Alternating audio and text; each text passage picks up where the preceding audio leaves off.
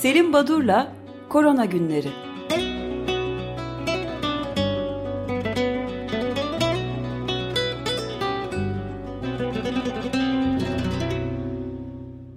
Günaydın Selim Badur, merhabalar. Günaydın efendim. Günaydın. Günaydın. Özdeş Feryal, günaydın. Herkese günaydın ve iyi haftalar dileyerek e, 2021'i bitiriyoruz. Bu yılın e, son programında e, hani biraz e, sayısal değerler ve olup bitenleri şu Noel tatili, Christmas süresince ne olup bitti ülkelerde ona bakıp bir e, yıl değerlendirmesi yapmak herhalde uygun olur. Çok iyi olur. E, şimdi e, bugün yine John Hopkins'in e, web sitesinde 279 milyondan fazla 280 milyona dayanmış vaziyette olgu sayısı 5.4 milyonda yaşamını yitirenler var. E, ve günlük ortalama e, e, olgu sayılarına baktığımız zaman 749 bin kadar. Yani bir ara e, Ekim-Kasım aylarının başında e, 400 binler civarındaydı. Kasım sonu 600 bine geliyordu. 750 bine geldi günlük olgu sayısı. E, bu önemli bir artış ve e, birçok insan e, acaba omikron e, varyantıyla pandemide yeni bir dönem, yeni bir sayfa mı açıldı diye e, kaygı duyup bu şekilde dillendiriyorlar.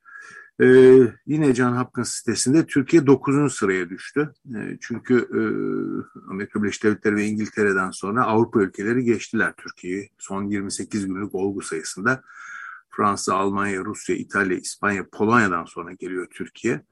Ancak Türkiye'deki e, sayıların e, nedenli gerçeği yansıttığı konusunda e, hani birçok e, kaygı duyan, birçok e, şüpheyi dile getiren yazı vardı. Müsaadenizle e, dün akşam e, bir İstanbul'daki aile sağlığı merkezinde görev yapan aile hekiminden gelen mesajı okumak istiyorum. Çarşamba günden itibaren bölgemizde COVID pozitif sayılarında hızlı bir artış var. Listemde günlük olarak 8, 8, 7, 8 bugün de 15 yeni vaka eklenmesiyle 45 pozitif vaka oldu. İstanbul'da farklı bölgede çalışan arkadaşlar da benzer bilgileri paylaşıyorlar. Ülke genelinde açıklanan oranlar çok farklı. Artış sadece İstanbul'da mı yüksek çözemedim diye. Şimdi bu, bu e, durum tabii e, gerçekten soru işaretleri oluşturuyor. Böyle bir standart bir şekilde yani yaklaşık 200, biraz 200'ün altında yaşamını yitiren günlük e, insan sayısı ve 20 binler civarında bir pozitiflen gidiyor.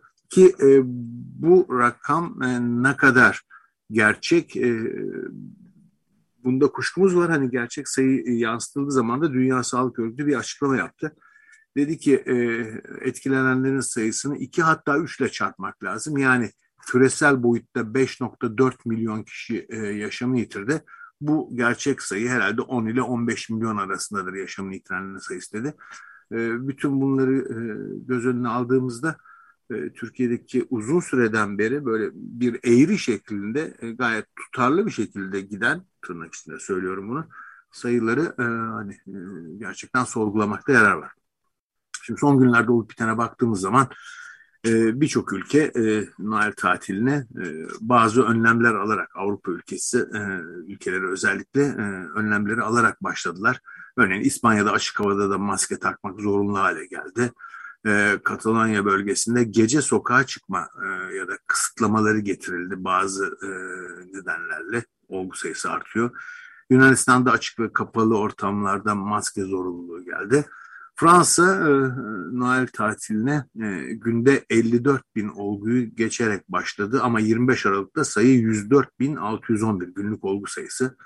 Son 24 saatte de 500'den fazla hastane yatış var. E, bu hesaplamalar Fransa'da Ocak ayında günlük olgu sayısının 200 bin olacağını söylüyor. E, bu tabii çok önemli ve yüksek bir oran.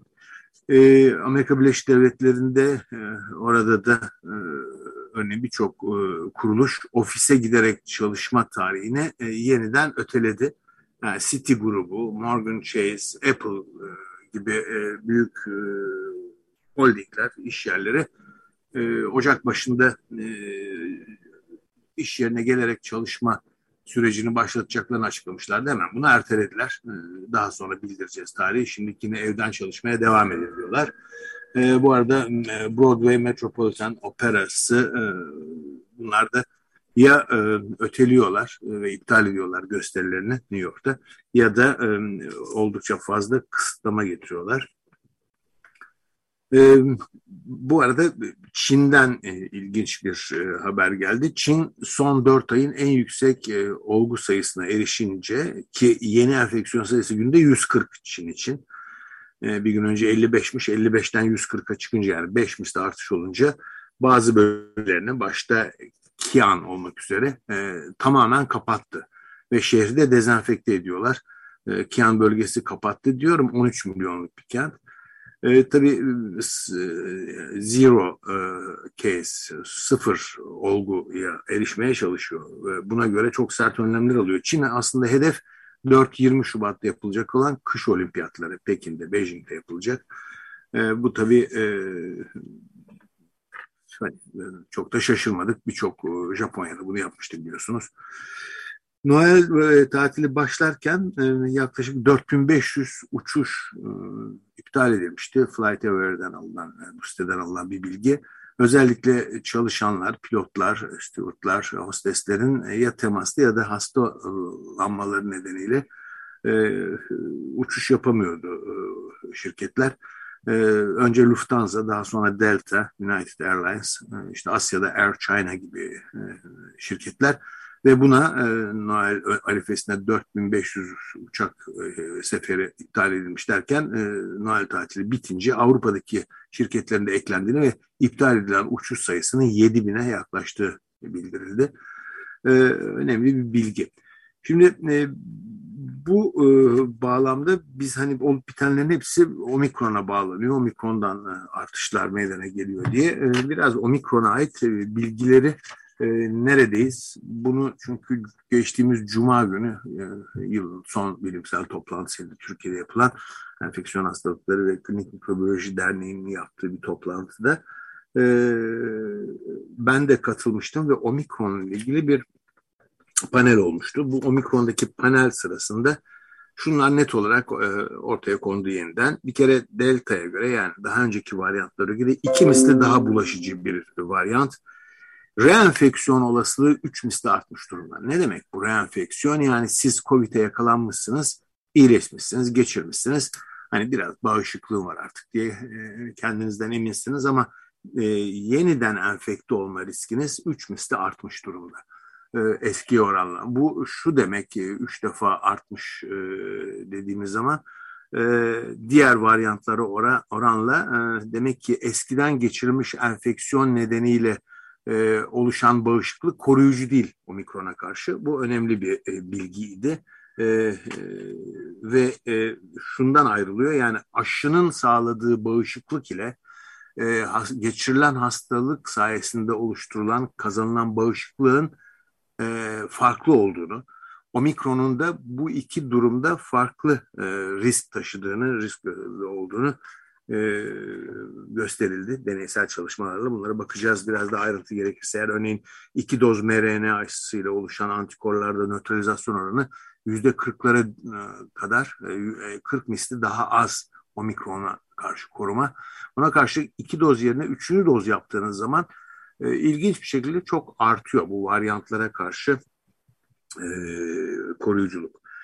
Şimdi e, İlginç bir noktada e, koku ve tat kaybı biliyorsunuz genelde e, yüzde 48 koku kaybı yüzde 41 de tat kaybı oluyordu şimdiye kadar genel anlamıyla e, bugüne dek e, ortaya çıkan varyantların neden olduğu COVID olgularında. Omikron'da bu oranlar çok düşük yani yüzde 23 koku kaybı yüzde 12 tat kaybı demek ki koku, e, koku ve tat kaybı koku alma ve tat e, alma kaybı omikronda daha düşük. İnkübasyon süresi daha kısa 3 günden daha az yani siz virüsü aldığınız zaman virüsü yaymaya başladığınız e, süreç e, oldukça kısa. İmmün yanıttan kaçma özelliği demin de belirttiğim hem geçirilmiş e, COVID'den sonra hem e, aşı ile kazanılan e, bağışıklıkta e, daha güçlü bir şekilde kaçıyor e, omikron. E, e, pediatrik olgularda da artış var. Özellikle 0-4 yaş grubu farklı ülkelerin bulguları omikrondan daha çok etkileniyorlar. Buna karşılık e, soru işareti olan nokta daha ağır enfeksiyon yapıyor mu yapmıyor mu? Ee, özellikle Güney Afrika'dan yapılan çalışmalarda hastaneye yatışlar yüzde seksen azaldı deniyor omikronla beraber. İngiltere'de bu oran yüzde 45'ler oranında. Ancak burada dikkatli e, değerlendirme yapmak lazım. Çünkü omikrona yakalanan olguların büyük kısmı da şu anda daha önce aşılanmış bireyler. O zaman aşılanmış bireylerin daha az hastaneye yatması aslında çok şaşırtıcı değil. Şu nokta önemli. Aşılanmamış ve omikrona yakalananlarda ne oluyor? Bunu ayırarak değerlendirmek lazım. Henüz bu tarz bir çalışma, bu tarz bir yayın çıkmadı. Ee, diğer haberlere geçeceğim ama şu bahsettiğim Cuma günkü toplantıda bir de e, Türkovak e, aşısının geliştirilmesine çalışan bir öğretim üyesi vardı. E, ona da tabii sorular yöneltildi. E, aşının birinci ve ikinci faz çalışmalarına katkı veren Kayseri'deki merkezin e, görevlilerinden biriydi kendisi.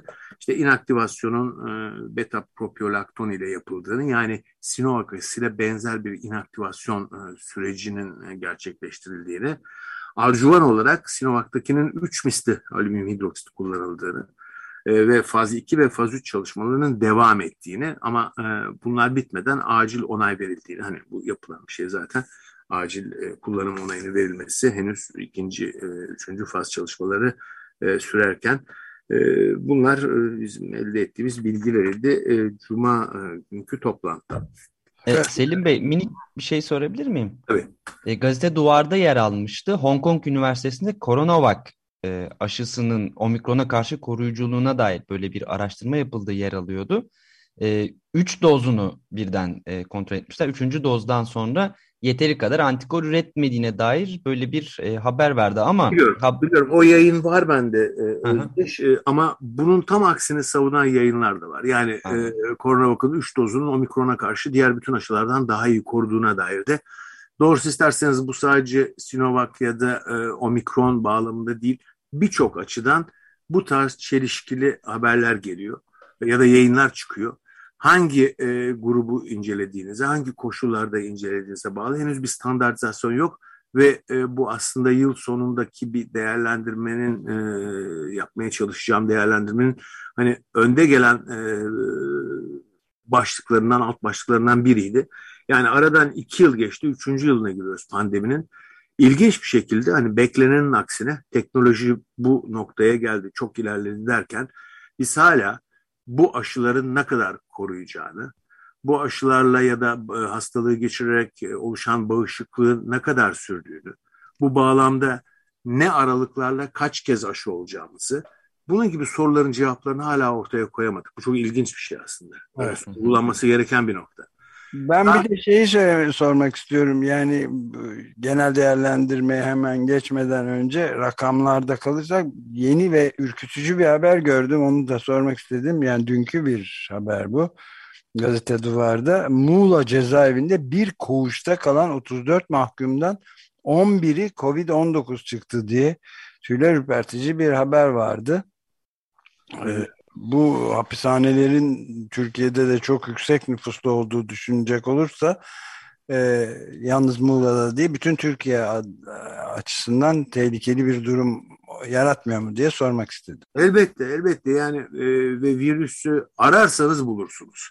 Yani ne kadar fazla ararsanız, ne kadar fazla test yapılırsa o kadar fazla pozitiflik saptanacaktır. E, hapishanelerde de ararsanız eğer bütün hapishanelerde bu kadar iç içe bir arada kalabalık ortamda yaşayan e, bireylerin enfekte olmaları, birbirlerine bulaştırmaları şaşırtıcı değil.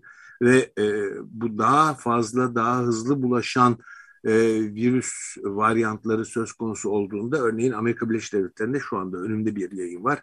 Söyleyecektim hapishanelerinde pozitiflik oranı %11'den %17'ye çıkmış. E, ve e, hani bunların dörtte üçü de omikron varyantı. Yani kısaca e, bu varyant çok hızlı e, gelişiyor. Şimdi aşılar dedik tabii e, hani bütün bu geçen süreçte e, başlangıçta çok sevindik biz aşılarla çıktı işte alt edeceğiz diye. E, bu öyle olmadı tam. E, elbette aşılar hala en önemli silah. Hala aşılanma, e, rapel dozların e, hatırlatma dozlarının yapılması şart. E, bunların ihmal edilmemesi lazım ama hiçbir zaman e, kesin net bir çözüm değil ve bu e, ben yine iyimserliğimi koruyorum. Birinci jenerasyon aşılar 2022'de büyük bir olasılıkla devreye girecek olan ikinci jenerasyon daha donanımlı, daha kapsamlı, koruyuculuğu e, daha yüksek olan aşılar ile e, önemli adımlar atılacaktır diye düşünüyorum. Dağıtımlar açısından bu gelinen noktada bir yıl içinde hani neler oldu dediğimiz zaman şöyle başlamak belki uygun. Ee, hani Mart e, 2020 yılında e, olguların yüzde sekseni hafif bu gripten farksız bir şey e, deniyordu. Ama gelinen noktada ilk başta böyle değerlendirildiği halde 5.4-5.5 milyon insan yaşamını yitirdi. Pek o kadar hafif bir şey değilmiş. Ee, e, Eylül 2020'de e, e, notlarıma baktım 33 milyon ile başlamış salgın ya da biz o sürece başlamışız e, korona günlerinde. Ocak 2021'de 101 milyondan bahsediyormuşuz. Bugün Aralık 2021'de 280 milyon. Hani insanın nereden nereye diyesi geliyor. E, bu arada e, işte e, aşılar böyle testler konusunda e, sorunlar var. E, özellikle hem hızlı testler hem PCR testleri e, beklenen performansın daha altında ve yaygın yapılamıyor. Hala yüzde 40 e, gerçek olgular PCR'la saptanamıyor. Bu PCR'ın e, daha e, performansı yüksek, daha e, yüksek oranda gerçeği yansıtacak şekline hala nedense dönüştürülemedi. Bu sadece teknolojiden değil virüsün davranışından hemen altlara inmesinden alt solunum yollara kaymasından ilintili olabilir. Ee, başlangıçta virüsün bu kadar kısa sürede böyle hızla her yere yayılması gerçekten beklenemiyordu. Ee, e, öncelikle en duyarlı, en hassas, en kırılgan grupların öncelen, e, e önceliklendirilmesi konusu gerçekleşti. Buna kadar e, uygulandı bunu bilmiyoruz. Ee, çünkü bazı ülkeler e, bunu pek dikkate almadılar. Bazıları hani aşılamada bu önceliklendirilmeyi e, dikkate alsalarsa da sağlık çalışanlarına çok fazla yüklenildi. E, yeniden hastanelerde olmaya başlıyor özellikle Avrupa ülkelerinde. Yine benzer tablolar yaşanacak. Hala gelişmiş dediğimiz varsıl ülkelerde hala çok sayıda böyle yoğun bir hastane yatışı olduğu zaman e, yoğun bakımlarda olduğu zaman malzeme yetersizliği sorunu ortaya çıkıyor. Bırakın diğer e, gelişmekte olan ülkeleri. E, e, oral terapötikler yani tedavi edici antiviraller konusunda e, bu da ilginç bir nokta. İki yıl tamamlanıyor. Hala doğru dürüst bir gelişme yok. Bir tek Pfizer'in e, ilacı, yeni ilacı e, belki bir ümit e, teşkil edebilir. E, ama bunun dışında e, bir monoklonal antikor dışında e, örneğin diğer e, monoklonal antikorların da e, sanki aşı gibi e, omikrona karşı çok etkili olmadı saptandı. Bir tanesi oldukça etkili. Tabii varyantlara baktığımız zaman varyantların ortaya çıkışı hep biliyoruz. Bunlar işte uzun süreli vücudunda virüsü taşıyan kişilerde yani immün süpresif falan immün sistemleri baskılanmış olgularda ortaya çıktı e, buna ait e, yayınlara baktığımızda kimlerde diye işte e, farklı ülkelerin çalışmaları Almanya'da bir e, böbrekteki e, polikistoz nedeniyle böbrek nakli yapılan e, 140 gün vücudunda e, SARS-CoV-2'yi taşımış. 42 günden sonra da mutasyonlar saptanmaya başlamış. Yani e, immünosüpresif tedavi altında olup e, SARS-CoV-2 ile enfekte olan tedavi gördüğünde de uzun süre e, virüsü taşıyanlarda Amerika Birleşik Devletleri'nde 355 gün süren persistan bir enfeksiyon, 40 yaşında bir kadın hasta, diyabetli ve e, lenfoma tedavisi görüyordu. Orada mutasyonlar saptandı. Fransa'da böyle bir hasta var 410 gün e, Güney Afrika'da HIV ile HIV ile enfekte olan e, bireyler bunlarda mutantlar ortaya çıkıyor. E, uzun soluklu ve uzun süre vücudunda virüsü taşıyanlarda virüs kendisine uygun olan ortamı bulup e, varyantlara dönüşüyor. Buradan da yayılıyor. Bu artık biliniyor. Ancak bu varyantların sonu geldi mi? Çünkü bu tarz iyimser haberler var herhalde e, tehlikeli varyantlar grubuna alınan omikron e, bu grubun son üyesi diyenler var. Ya da omikron e, hızlı yayılıyor ama hafif enfeksiyon oluşturuyor. E, bu nedenle e, pandeminin sonunu omikron getirebilir diyenler var. Ama bunun aksini düşürenler de var. E, bu kararı vermek için acele etmemek lazım e, deniyor ki e, katılmamak mümkün değil. Şimdi bir yıl sonundaki e, e, ya da iki yıl sonunda gelinen noktalar, aksiyanlar e, noktalara değinmeye çalıştım. Bunlardan bir tanesi bu e, şemalar. Hala e, gelişmiş ülkelerde e, işte 3 doz aşı yapıldıktan sonra 3. doz e, hatırlatma rapel dozu e, ikinci dozdan ne kadar e, süre sonra yapılacak? 2 ay mı, 3 ay mı, 4 ay mı, 6 ay mı? Henüz bir standartizasyon yok. Her kafadan bir ses çıkıyor. Her ülke farklı e, süreler uyguluyor. E, koruyuculuk düzeyi antikorların hala saptanmış değil. E, bunu hakikaten anlamakta ben zorlanıyorum. E, nasıl oluyor da e, belirli bir standartizasyon, belirli bir e, düzey saptanamıyor. Şu miktar antikorun üzeri e, koruyucudur e, diye e, hala e, koruyucu antikorları saptayacak, nötralizan antikorları saptayacak testler yok. Bunlar kullanılmıyor. Şu anda kullanılan testlerin e, hani bizi e, koruyan antikorları saptamada hiçbir işe yaramadığını belirtmek lazım. Bunu tekrar vurgulayalım. Şu anda antikor testini bizden başka yapan, hani rutin olarak uygulayan başka bir ülke yok. Tamamen ticari, hiçbir bilimsel temeli olmayan bir yaklaşım ne yazık ki sürüyor. E, adaletsizlik sürüyor. Bakın e, COVAX üzerinden aşı dağıtımına baktığımız zaman Amerika Birleşik Devletleri'nde e, 140 e, bin aşı, e, 140 milyon doz e, doğrudan verilmiş gelişmekte olan ülkelere 53 milyon e, COVAX üzerinden. Ama taahhüt ettiği ben vereceğim gelişmiş gelişmekte olan ülkelere COVAX üzerinden aşı dediği miktar 664 milyon doz. Yani yaklaşık 200 milyon doz şu ya da bu şekilde vermişler ama 664 milyon doz daha vereceklermiş. Vermemişler bu yıl sonuna kadar. E, bütün ülkeler için e, ne kadar verdiler, hangi yoldan verdiler ve e, ne kadar e, vereceklerini söyleyip vermedikleri doz miktarı belli. Örneğin ikinci bir ve son bir örnek Avrupa Birliği 58 milyon doz doğrudan ülkelere vermiş. 240 milyon doz bu da iyi bir şey yapmış. COVAX'a vermiş siz dağıtın diye. Ama hala 153 milyon doz e, söz verdiği halde e, veremediği e, yerler var.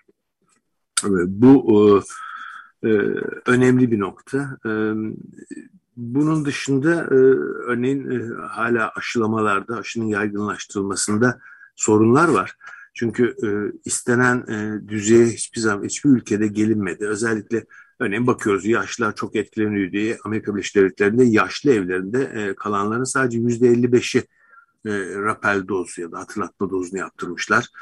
E, eksik ya da bir standartizasyonu sağlamadığı noktalardan biri de tam aşılı. Şimdi tam aşılı ne demek? E, iki doz yaptıranlar tam aşılı mı sayılacak? E, bazı bilim insanlarının e, belirttiği gibi e, rapel dozu da tam doz e, içine e, bu kavramın içine koymak lazım. O zaman 3 doz olanlar mı tam doz olacak? Gördüğünüz gibi çok basit kavramlarda bile e, henüz bir standartizasyon sağlanmış değil. E, bu da tabii bana kalırsa şaşırtıcı bir durum. E, sürem bitti e, ama bir dizi yayın vardı. Bunlara değinmem mümkün değil. Bir tanesini söyleyeyim. Bir haber Brezilya'dan Brezilya 5-11 e, yaş grubundaki çocukları aşılamaya karar verdi ama e, Bolsonaro'dan ilginç bir açıklama geldi. Bu kararı alanların isimlerini istiyorum. Kim aldı bu kararı? E, ben onlara hesap soracağım demiş. Niye böyle bir şey demiş? Pek anlamak mümkün değil. Garip bir şey. Ee, Süre biterken ben de üç soru soracağım. Birer kelimelik lütfen. Noel konuşmasında Papa Francesco e, dünyanın en yoksullarına aşının ulaştırılmasının şart olduğunu söyledi. E, bu gelecek yılda e, bunu sağlayabilecek miyiz bu aşı eşitliğini bir. İkincisi yılbaşı partilerimizi nasıl yapacağız? Bunu da sormak istiyorum. İtalya'da açık havada yılbaşı partileri yasaklanmış ve üçüncüsü de e, aşı tereddütçüleri ve inkarcı, Covid inkarcıları Belçika'nın en güçlü insanı koronavirüs nedeniyle hayatını kaybetmiş. Bu aşı inkarcıları ve e, genel inkarcıların durumu ne olacak gelecek sene içinde? Birer cümleyle, birer kelimeyle hatta söyleyebilir misin? Şimdi e, Papa'nın yaptığı çağrı çok doğru tabii ama e, doğrusu isterseniz üst sorunuza da e, ne yazık ki olumlu e, yanıtlar veremeyeceğim.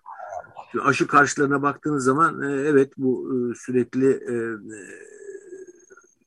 üstesinden gelinemeyecek bir sorun gibi devam ediyor. Devam edecektir de. Bu yeni çağın, bu postmodern dünyanın, bu neoliberal yaklaşımların bir sonucu olarak ortaya çıktı. Bu sürecektir ve sürdükçe de bu sorunun üstesinden gelmek daha zor olacaktır.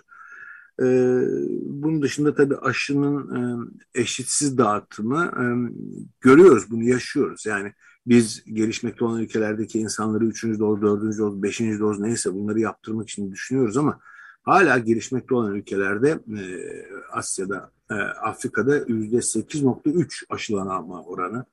E, yani bu çok büyük bir eşitsizlik ve gördük işte omikron örneğinde gördük. Güney Afrika'da çıkan bir virüs nasıl dünyaya yayıldığını gördük. Aşılı ya da aşısız gelişmekte olan ülkeler ya da gelişmiş ülkelere hızdan yayılıyor. Bunun için bunu durdurmak pek mümkün olmayacaktır. Ee, yılbaşı partinizi bilmiyorum siz nasıl kutlayacaksınız ama e, yani açık havada e, e, ya da kapalı ortamlarda önemli olan e, bu ayrımı yapmaksızın maske ve çok kalabalık bir arada ortamlara girilmemesi. Bu açık havada da çok yakın temasla da bulaşabilir.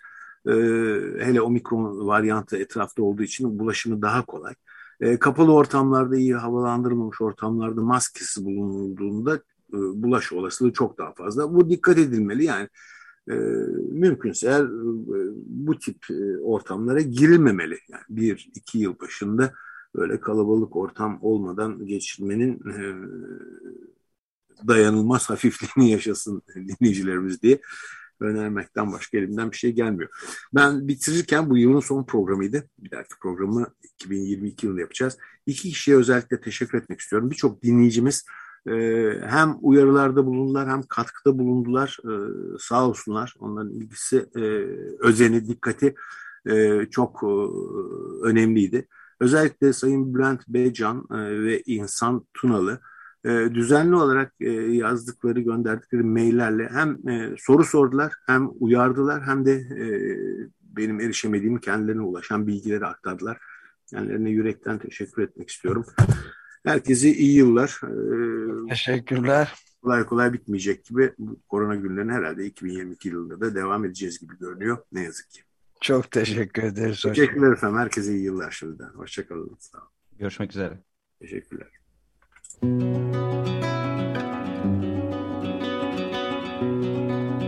Selim Badur'la Korona Günleri